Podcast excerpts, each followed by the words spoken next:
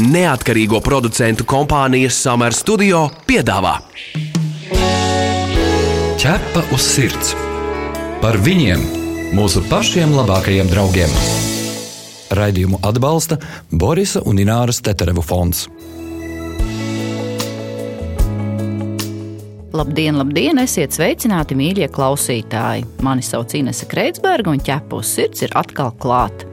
Novēlēsim manam kolēģim Magnusam Eriņam drīzu izveseļošanos, lai viņš varētu pievienoties mums jau nākamajā raidījumā. Bet ko šodien? Šīs dienas tēma nav viegla, bet diemžēl tā ir aktuāla, un par to agrāk vai vēlāk iedomājas ik viens saimnieks, kura mīlulim slimošana vai vecums sāk sagādāt lielas mocības. Vai dzīvnieks aizies viegli, jeb būs jādomā par eitanāziju. Kas saimniekam jāzina, cerībā, ka šāds brīdis nekad nepienāks, bet, ja pienāks, tad būs varbūt mazliet nedaudz vairāk skaidrības. To es jautāšu šodienas viesņai. Mums studijā ir veterinārā ārste Anete Kalniņa. Es esmu sveicināta. Sveika! Ķepa uz sirds jautā ekspertam. Anete, kad saskaņojām raidījumu tēmu, tu teici, ka eitanāzija tev ir zināma tēma, par kuru esi gatava daudz stāstīt. Kā tas sanācis? Vai tev nācies dzīvē kā ārstei daudz pieņemt šo lēmumu, ja esi daudz vairāk pētījusi tieši to? Jā, nu man šī tēma uh, tiešām šķiet uh, ļoti svarīga, jo tiem cilvēkiem, kam dzīvnieks ir kā ģimenes loceklis, un tas lielākoties ir tas mans klientu lokus, un arī es pati esmu viena no tiem cilvēkiem, tā diena, kad no tā dzīvnieka ir jāšķirās, pienāks visiem, un to mēs zinām jau starta posmā, kad mēs šo dzīvnieku iegādājamies. Un visi jau gribētu, lai aiziešana notiek viegli, miegā, nesāpīgi, un mums pašiem šie lēmumi nav jāpieņem. Bet tomēr visbiežāk jau tā nenotiek, un tas lēmums par to aiziešanu ir jāpieņem saimniekam. Un, uh, tas ir sāpīgs lēmums, tas ir grūts lēmums, par to ir jābūt drošam, lai pēc tam nejustu vainas apziņu. Un mans kā veterinārā ārsta uzdevums ir uh, kaut kādā brīdī cilvēkam norādīt šo ceļu, ļaut saprast, kāpēc tas ir jādara, kāpēc tas ir kā palīdzība šajā brīdī, un uh, maksimāli atvieglot emocionāli šo posmu tam cilvēkam, kurš atvedās no būtībā savu tuvinieku. Jo īstenībā nu, lielākā daļa cilvēku negrib par to dzirdēt. Nu, viņi attālina šo domu, ja? bet no otras puses, ja mēs stāstīsim un kāda informācija viņa aizķerās, viņa jau cilvēkiem paliek kaut kur brīžos, kad varbūt šis atbalsts ir vajadzīgs. Un man vēl ienāca prātā tā, ka mums latviešiem jau tāds vairāk kapu kults par pašu miršanas faktu jau nav pieņemts daudz runāt. Kā tev liekas, kāpēc? Tas jau attiecas gan uz cilvēkiem, gan arī dzīvniekiem. Es domāju, ka tas ir psiholoģiski. Mēs jau negribam runāt uh, par tām beigām, par dzīves uh, izbeigšanos, uh, jo mēs jau neviens nezinām, kas ir tālāk. Vai ir kaut kas tālāk, un ja ir, tad kas tas ir. Bet tajā brīdī, kad cilvēkam ir vecs dzīvnieks, kurš teiksim, ir sācis slimot, ir jau kāda konkrēta diagnoze, un ja es kā veterinārā ārsts jau zinu, kā šī slimība ritēs savu gaitu, es jau kādā brīdī sāku runāt par tiem variantiem. Un, Tas ir darbs ar klientu, tas ir mans uzdevums, kā savas nozares profesionālim cilvēkam šajā sarunas ceļā arī likt par to aizdomāties ka, ja būs tāda vai tāda situācija, tad jums ir jābūt arī gataviem, ka jums iespējams būs jāpieņem šis lēmums pašiem, lai kā to negribētos darīt. Un, ja tas notiek tā pēkšņi, tad, protams, ka cilvēkam ir daudz grūtāk, ja viņš atnāks pie doktora un es pateikšu, tur viss ir slikti, viss eitanizējam. Nu, tas loģiski, ka radīs psiholoģisku pretreakciju, kā, ko, nē. Līdz ar to tas ir vienkārši tas, kā tu sāc strādāt ar to cilvēku, kā tu ar viņu komunicē. Jo es parasti saku tā, ka mēs palīdzēsim, cik mēs varēsim, bet ir jāpieņem, ka eitanāzija, kas pēc būtības ir dzīvības funkciju pārtraukšana, izmantojot medikamentus, ka tā reizēm arī ir tā labākā un vajadzīgākā palīdzība, kā šo dzīvnieku nemocīt un ļaut viņam cieņpilni aiziet un pateikt paldies par to mūžu, kas ir nodzīvots kopā. Un tos var uztvert uh, arī kā tādus nu, labas dzīves svētkus, kad mans dzīvnieks ir uh, nodzīvojis skaistu mūžu, viņš ir bijis mans kompanions, mans atbalsts, mans prieka avots daudzu gadu garumā, un tagad es viņam esmu druskuļi parādā to, lai viņa nāve nebūtu mokpilna tikai tāpēc, ka reizēm tas ir tāds egoisms, ka es gribu paturēt sev to, kas man rada prieku ilgāk, un arī neizlēmība. Es negribu pieņemt šo lēmumu, bet to lēmumu nevar pieņemt neviens cits, kā tikai dzīvnieku īpašnieks. Tāpēc ir arī lasīts, ka pēc dzīvniekiem ir īsāks mūža ilgums. Tas ir iespējams arī tāpēc, ka, nu, ja būtu otrādāk, tad iespējams par viņiem nebūtu kas parūpējis. Tāpēc mums ir tā kā lemts, ka viņi aiziet pirms mums. Tur arī ir filozofija. Saku, es parasti saku tā, ka ja dzīvnieka mūžs būtu vēl ilgāks un mēs kopā būtu vēl ilgāku laiku, tad tās sirdis saimniekiem būtu neatgriezeniski salauztas. Tās situācijas, kurās eitanāziju visbiežāk veids, Pirmkārt, tie ir veci dzīvnieki, kas ir ar neārstējumām slimībām, teiksim, onkoloģiskām saslimšanām, neoperējumiem audzējiem.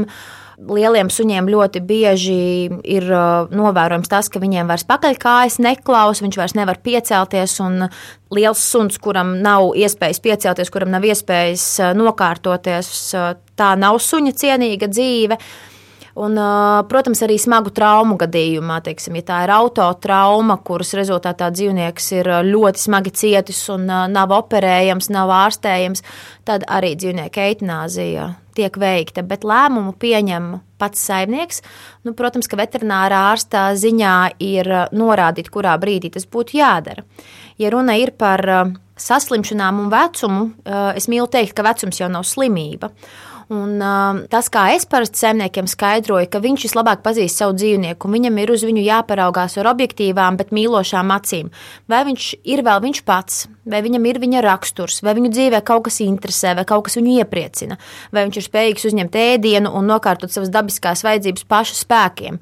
Un, ja to vairs nenovēro, tad ir jāsaprot, ka tā dzīves kvalitāte tam dzīvniekam nav. Un uh, arī vecus dzīvniekus ar smagām saslimšanām, kam ir uzturoša terapija, kas nav izārstējami priekš ilgtermiņa, bet kas uh, tiek uzturēti ar medikamentozu terapiju. Nu, piemēram, kaķis ar smagu nieru mazspēju, bet viņš vēl ēd, viņš nāk uz uh, sistēmām, viņš vēl jūtas labi, bet tajā brīdī, kad viņš pārstās ēst, kad viņš sāks atvemt savu ēdienu un medikamenti viņam vairs nepalīdzēs, nu tad saimniekam ir objektīvi jāspēj paraudzīties, kā mans dzīvnieks jūtas, un šis lēmums kaut kādā brīdī jāpieņem. Bet tie jau ir tādi hroniski pacienti, un tad jau saimnieki bieži jau uz to iet lēnu garu. Tādā gadījumā mans pienākums ir izdarīt tā, lai šis dzīvnieks maksimāli maz justu diskomfortu, sāpes un viņam būtu dzīves kvalitāte līdz tam brīdim, kad saimnieks, kad saimnieks būs gatavs šim lēmumam. Jo viņam ir jābūt gatavam tam lēmumam, lai pēc tam nebūtu jāsaskarās ar to, ka viņš uh, nemitīgi izjūt vainas apziņu. Vainas apziņa lielākoties kaut kādos brīžos cilvēkiem tomēr parādās, ir tas jautājums, vai es varēju atnākt ātrāk, vai es izdarīju visu vai es uh, darīju pietiekami, varbūt es tieši otrādi nu, darīju par daudz. Ja, tāda. Jā, un uh, no tā ir jāatbrīvojas.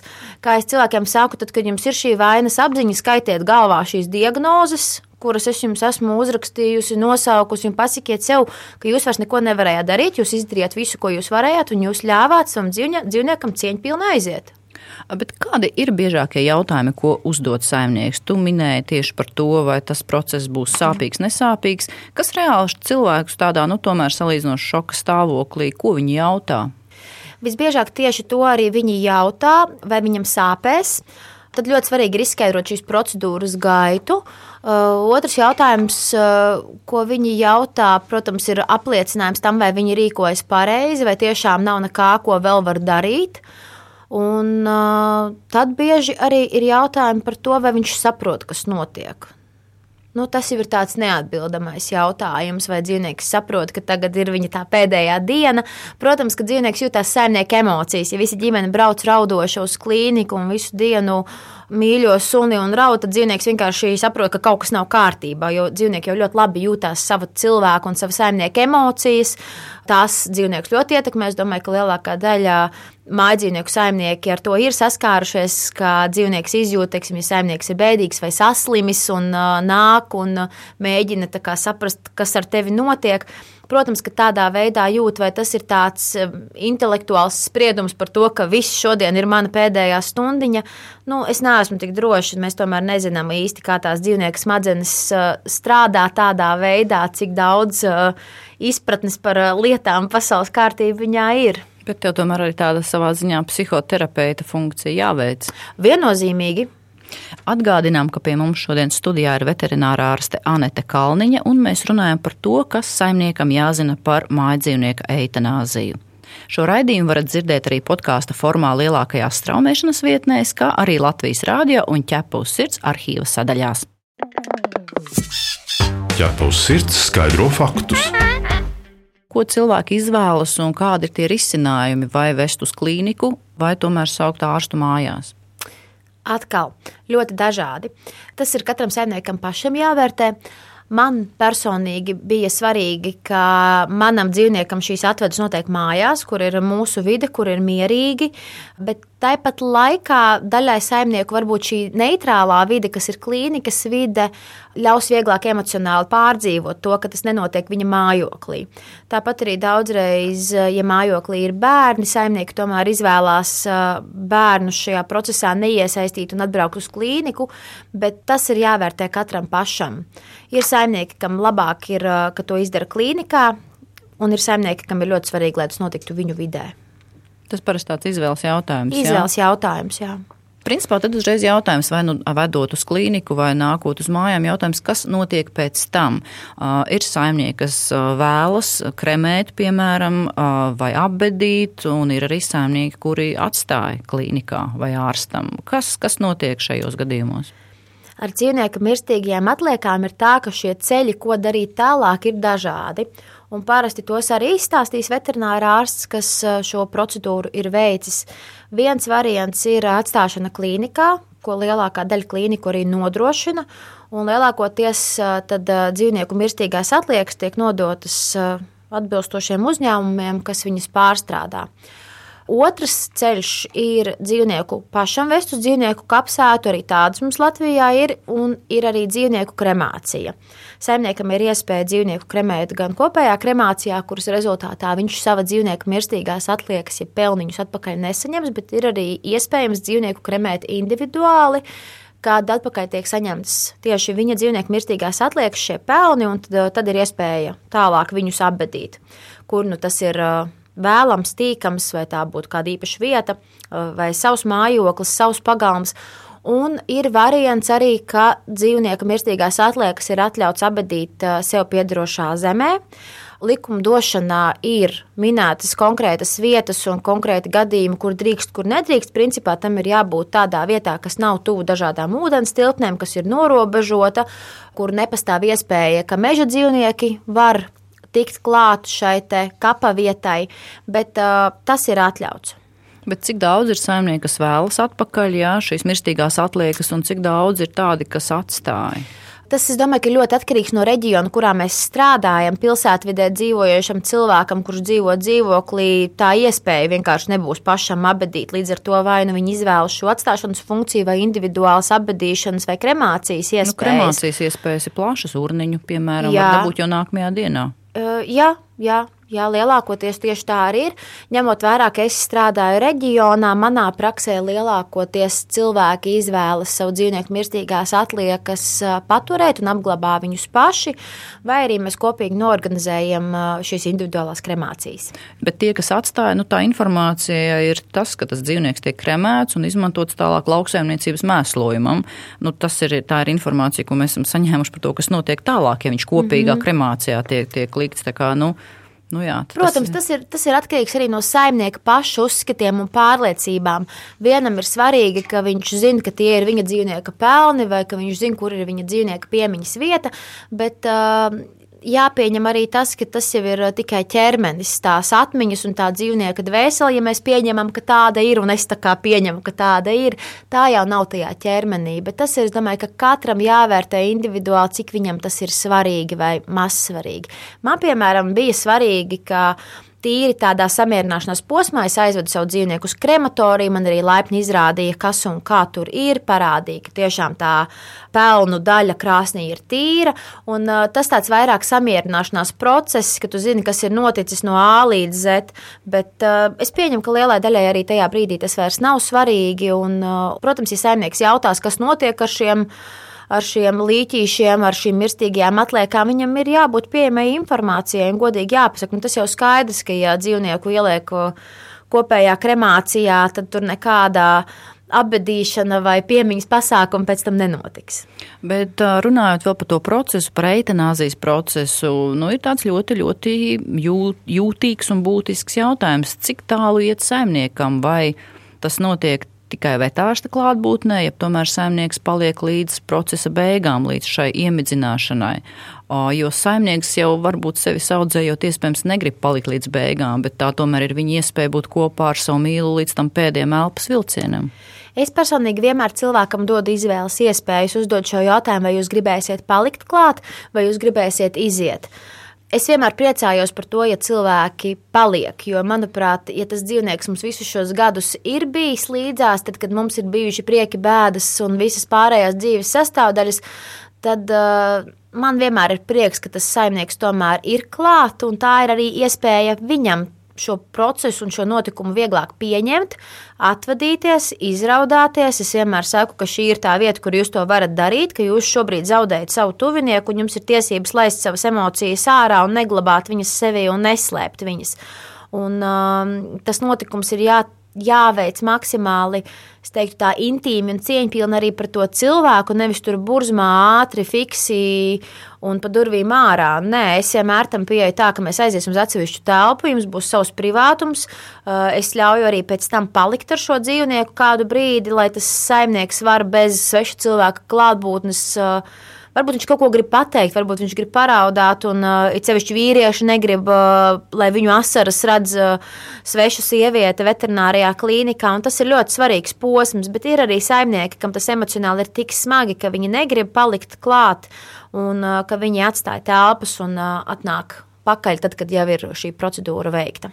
Praksē visbiežāk cilvēki paliek līdzās. Oh, tas tāds pozitīvs tomēr stāsts. Nu, es cenšos arī teikt, ka tagad, tagad pavadam viņu un pasakam, cik, cik, nu, pasakam to, ko gribējām, vai nodomājam to, ko gribējām pateikt, bet nu, paliekam, lai nav tā, ka tas dzīvnieks pēdējais, ko redz un ko sauž, esmu es.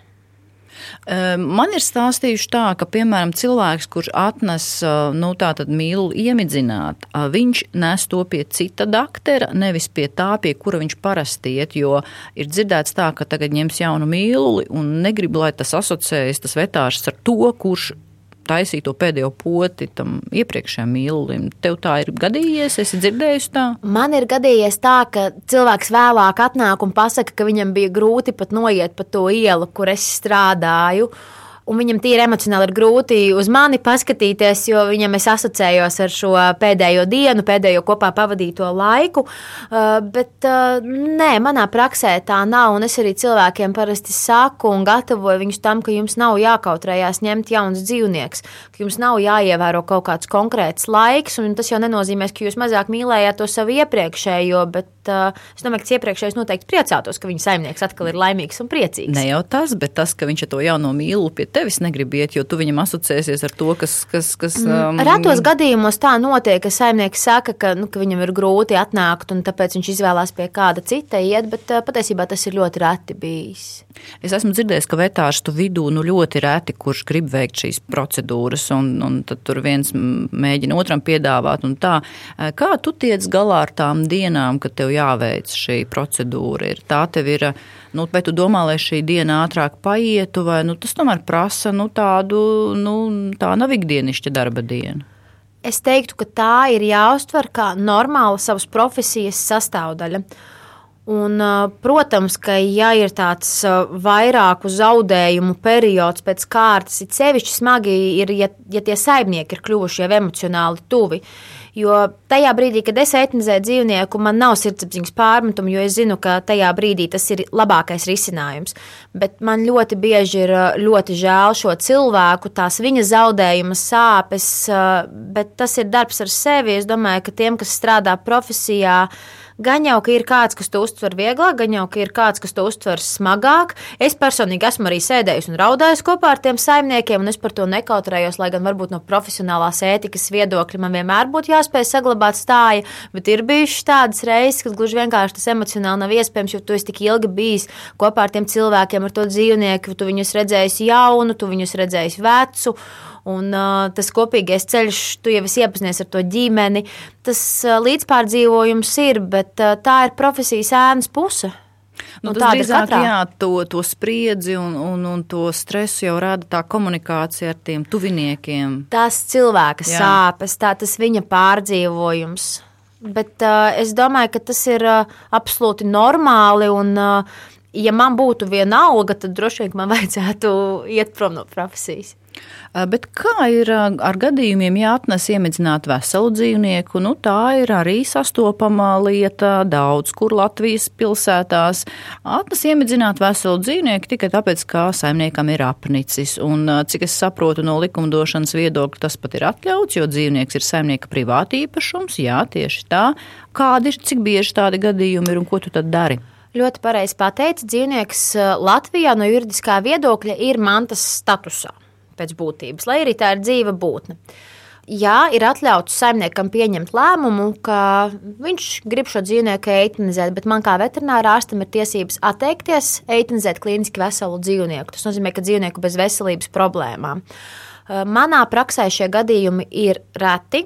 Bet kā viņš pamato jo... to iemeslu? Mans klientu lokus ir tāds, ka pie manis diez vai nāks kāds, kas pateiks, hei, es gribu eitanizēt savu veselo kaķi, jo man viņš apnika. Nu, tā viņi nesaka, bet ko tu dzirdēji? Tā viņi saka, saka, ir tādas situācijas, ja, piemēram, mums piedzima bērns, mums vairs nav laika, viņš sāk slimot un prasa mums resursus, un ir reizes, kad es tiešā veidā pajautāju, es saku, un ja jums bērns vai kāds tuvinieks sāks slimot, tad viņš arī būs nevajadzīgs. Nu, redzi, tā un nav atļauta eitanāzija vēl cilvēkiem. Ir, ir tā cilvēka kategorija, kas saka, nesalīdziniet dzīvnieku ar cilvēku cilvēku. Jā, es piekrītu, nevajag salīdzināt dzīvnieku ar cilvēku, bet, uh, ja reiz mēs šo atbildību esam uzņēmušies, nu, tad uzņemamies viņu līdz pašām beigām. Un es pieņemu, ka dzīvē tiešām ir situācijas, kad dzīvnieku nevar paturēt. Nu, teiksim, ja tā ir uh, agresija pret bērnu vai pret uh, kādu mājinieku, kas apdraud veselību. Diemžēl ir šīs situācijas, bet tad ir jāsaprot, ka mm, es nedrīkstu arī skarbi pateikt, nu, reizēm vajag, bet es nedrīkstu cilvēku aizbaidīt. Man ir jādod viņam izvēles iespējas un risinājumi. Nu, teiksim, man ir bijuši gadījumi, kad cilvēki atnāk ar lielu pārdzīvojumu, ka viņa bērnam ir smaga alerģija un ka viņam ir astmas lēkmes, ka viņi nevar šo kaķi paturēt un viņi viņu grib eitanizēt. Un tad es uzdodu jautājumu, jūs mēģinājāt atrast citas mājas? Nu, jā, mums tur neviens no tuvajiem negrib. Es saku, bet internets, dzīvnieku biedrības, varbūt pat patvērsme šajā gadījumā, ja tas dzīvnieks ir lādzīgs un viņam ir iespējas, ka viņu kāds paņems uz jaunām mājām, un šīs iespējas parasti atrodas, ja viņas meklē. Un es arī esmu pati palīdzējusi atrast jaunas mājas, un ņēmusi tos dzīvniekus līdzi un iekārtojusi pagaidu mājās. Un līdz šim man ir izdevies arī sarunāt, ka šie cilvēki, teiksim, viņš atsakās no šī dzīvnieka, viņš rakstiski to apliecina, ka viņš atsakās no tiesībām uz savu dzīvnieku, bet nu, ne jau vēl te veterinārārstiem bieži mājās ir uh, eitanizētie dzīvnieki, jā, jā, kas dzīvo sveiki un veseli vēl pāris gadus. Nē, nu, kad var atrunāt tā viena lieta, arī, ka paņem šo dzīvnieku it kā eitanizēt, bet atrod jaunas mājas, bet es esmu dzirdējis par tādiem tipāžiem, kuri tieši uzstāja paši būt klāt šajā dzīvnieka eitanāzijas brīdī, un tad jau viss ir atkarīgs no vetārsta. Jā, viss tajā brīdī ir atkarīgs no veterinārā ārsta. Es parasti, parasti iesaku vērsties pie kāda no saviem kolēģiem. Varbūt viņi atradīs kādu, kas šo veselo dzīvnieku eitanizēs, bet tā nebūšu es, ka es esmu piedāvājis citus risinājumus un ka tie tiešām ir.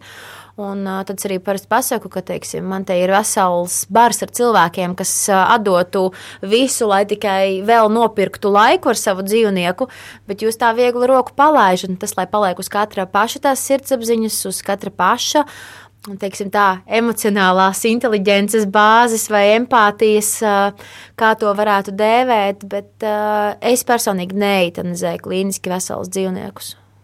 Vai tev ir varbūt kāds nu, varbūt mistisks notikums vai epizode, ko tu esi piedzīvojusi? Pirms, pēc vai procesa laikā, ja ir kas var padalīties, būtu interesanti. Ja ir, ir, nav, nav. Laikam tāds mistisks gluži nē. Vienu reizi es atceros ļoti spilgtu, manuprāt, tā pierāda to, cik daudz dzīvnieks ir gatavs sava saimnieka dēļ nest. Un, teiksim, ir dzirdēti gadījumi, ka suns ir gatavs tik uzticīgi peldēt vai skriet līdzi savam saimniekam, ka viņš reāli nomirst. Un, uh, reizēm, tad, kad tas dzīvnieks jūt, uh, ka saimnieks viņu nelaiž vaļā, viņš tiešām izmisīgi cīnās. Un man ir bijis gadījums ar suni, kuram bija ļoti smaga diagnoze, viņam bija audzējis sirdī, viņam, uh, nu, principā, bija jau tāds ļoti mokpilns pēdējais posms, bet saimniece absolūti nebija gatava to darīt. Un tas dzīvnieks varēja redzēt, ka viņš jau, viņš jau reāli mokās, bet viņš, viņš pats neiet prom. Un tajā brīdī, kad saimniece pēc sarunas beidzot pateica, labi, visi es viņu laidīšu vaļā, viņš vienkārši tajā brīdī viņai rokās pats nomira. Tajā brīdī, kad saimnieks pasakā, es tevi laižu vaļā, paldies tev par visu, viņš vienkārši nomira pats tajā pašā brīdī. Un tas, laikam, man ir tāds spilgts apliecinājums par to, ka tie dzīvnieki mūsu dēļ arī ir gatavi uz ļoti daudzām lietām un ar, nu, nav uzticīgākas būtnes par suni. Tu esi mans draugs, ķepus sirds. Jā, un tā miedarbība ļoti spēcīga. Jā. Redz, kad jūtas dzīvnieks, jūt cilvēku pat vairāk nekā viens cilvēks var būt otru cilvēku. Nu, cilvēki jau maskē savas emocijas, ar prātu daudz ko mēģina ietekmēt, kontrolēt un sevi apmānīt. Bet dzīvnieks visu uztver daudz vienkāršāk. Viņš, viņš ir rekur ir viņa saimnieks, rekur ir viņa gulta, rekur ir viņa manta, rekur ir viņa vide. Un, uh, lai arī šī tēma ir tāda ļoti sāpīga un skumja, man tomēr šķiet, ka kaut kā mums varbūt savā kultūrā arī ir jāmaina tā sava attieksme pret to aiziešanu un nāvi, jo mēs to varam uztvert arī kā tādu drusciņu dzīves svinēšanu, pateicību par skaistu mūžu, kā tas ir, kā tas ir citās kultūrās, kā aiziešana pēc būtības arī ir dzīves svētki, bet um, man ļoti patīk viena frāze, ko es dzirdēju no kādas humānās ārstes, un um, es šai nāves tēmai pieeju tieši pēc šiem vārdiem, ka iemācies cienīt nāvi un tu iemācīsies cienīt dzīvību. Un tikpat svarīgi man, kā ārstam, izārstēt kādu, ir arī to aiziešanas un šķiršanās brīdi padarīt maksimāli nu, tādu estētisku, es teiktu, vieglāku, kaut kādus mierinājuma vārdus pateikt, jo nav jau vienas universālās frāzes, ko es varu pateikt, hei, neskumsti, tavs dzīvnieks bija vecs. Man personīgi šī frāze, kur es pat dzirdēju no savu kolēģu loka, manā gadījumā, kad es šķīros no sava suņa, ka nu, viņš bija vecs, nu, tu taču zināji, ka tas tuvojās. Es saku, bet man jau nepalīdz, ka es to zināju. Vienmēr jau gribas vēl to laiku, bet tas laiks ir tik, cik viņš ir, un viņš ir ļoti jānovērtē. Bet uh, noslēgumā vēl tāds jautājums, ko tu pati esi piefiksējusi, kas palīdz? Nu, šajā brīdī nepalīdz nekādi vārdi, tas ir skaidrs, bet nu, varbūt ko teikt cilvēkam, kurš nu pat zaudējis mīluli? Ļaujiet sev just. Jums ir tiesības skumt, jo sabiedrībā daudzreiz ir tāda visai nesaprotama attieksme. Nu kā, nu kā tev var būt tik tik slikti, un tas ir tikai suns vai tikai kaķis. Un tā frāze vienkārši būtu jāaizliedz, ka tas ir tikai suns vai tikai kaķis, jo tu nesaproti, ko tam cilvēkam nozīmē tas dzīvnieks. Tev varbūt nav bijusi tā pieredze, ka tas dzīvnieks ir tavs labākais draugs, tavs ģimenes loceklis. Šīs frāzes vispār vajadzētu izslēgt. Un, uh, Man būtu jānormalizē tas, ka cilvēki atļauj sērot par saviem dzīvniekiem, ka viņi atļaujās, piemēram, savam darba devējam un pateikt, ka man vakar nomira suns un es nebūšu darbā. Un tas, tas ir normāli, jo tās arī ir sēras, tas ir milzīgs zaudējums, un cilvēkam katrs zaudējums ir jāapstrādā, lai viņš spētu dzīvot tālāk. Un tas, ko es gribētu teikt, ir jā, ļaut sev just, ļaut, ļaut sev skumt, ka es tev iedodu atļauju tagad izraudāties, skumt un runāt par to, bet runāt, to, runāt par to vajag ar tiem cilvēkiem, kas to saprot. Jo ļoti liela daļa nesapratīs. Tie, kas nav paši ar šo uh, attieksmi pret dzīvniekiem, ka viņi ir pilntiesīgi ģimenes locekļi, tie cilvēki to nesapratīs. Un nav vērts mēģināt paskaidrot. Nē, nu tāpēc jau ķepus sirds ir par tiem, kam dzīvnieks ir mājas mīlis un ģimenes loceklis. Nu, tieši tā, es domāju, galvenais. ka tā auditorija, kas klausās un skatās ķepus sirds, jau ir tie cilvēki, kam tas uh, dzīvnieks uh, ir vairāk kā četrkājaina būtne, kas dzīvo mājās, kamēr viņš ir ērts, ka tie tomēr ir cilvēki, kam, kam tie ir ģimenes locekļi, un par to ir prieks, ka tādu ir arvien vairāk. Jā, nu ko mēs noslēgumā varam piebilst? Nu, man liekas, ka nu, labāka padoma vai receptes kā tas, kā atrast savu vetārstu nu, nav izdomāts. Tomēr ir jāatrod savs veterinārārs, kam jūs uzticaties, kam jūs varat lūgt padomu grūtā brīdī, kurš arī atbalstīs un arī dos šo, nu, šo padomu tādā grūtā situācijā. Un, un, un novēlam, lai šāda situācija pienāktu pēc iespējas vēlāk izbaudām katru dienu. Paldies mūsu viesņiem. Mums studijā šodien bija veterinārā ārste Anete Kalniņa. Visur kopā ķepus sirds.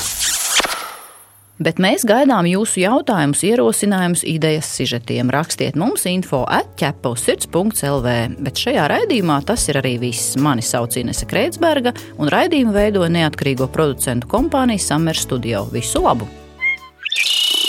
Ķepa uz sirds! Informatīvi izglītojoši raidījums par dzīvnieku pasauli un cilvēkiem tajā. Raidījumu atbalsta Borisa un Ināras Teterevu fonds.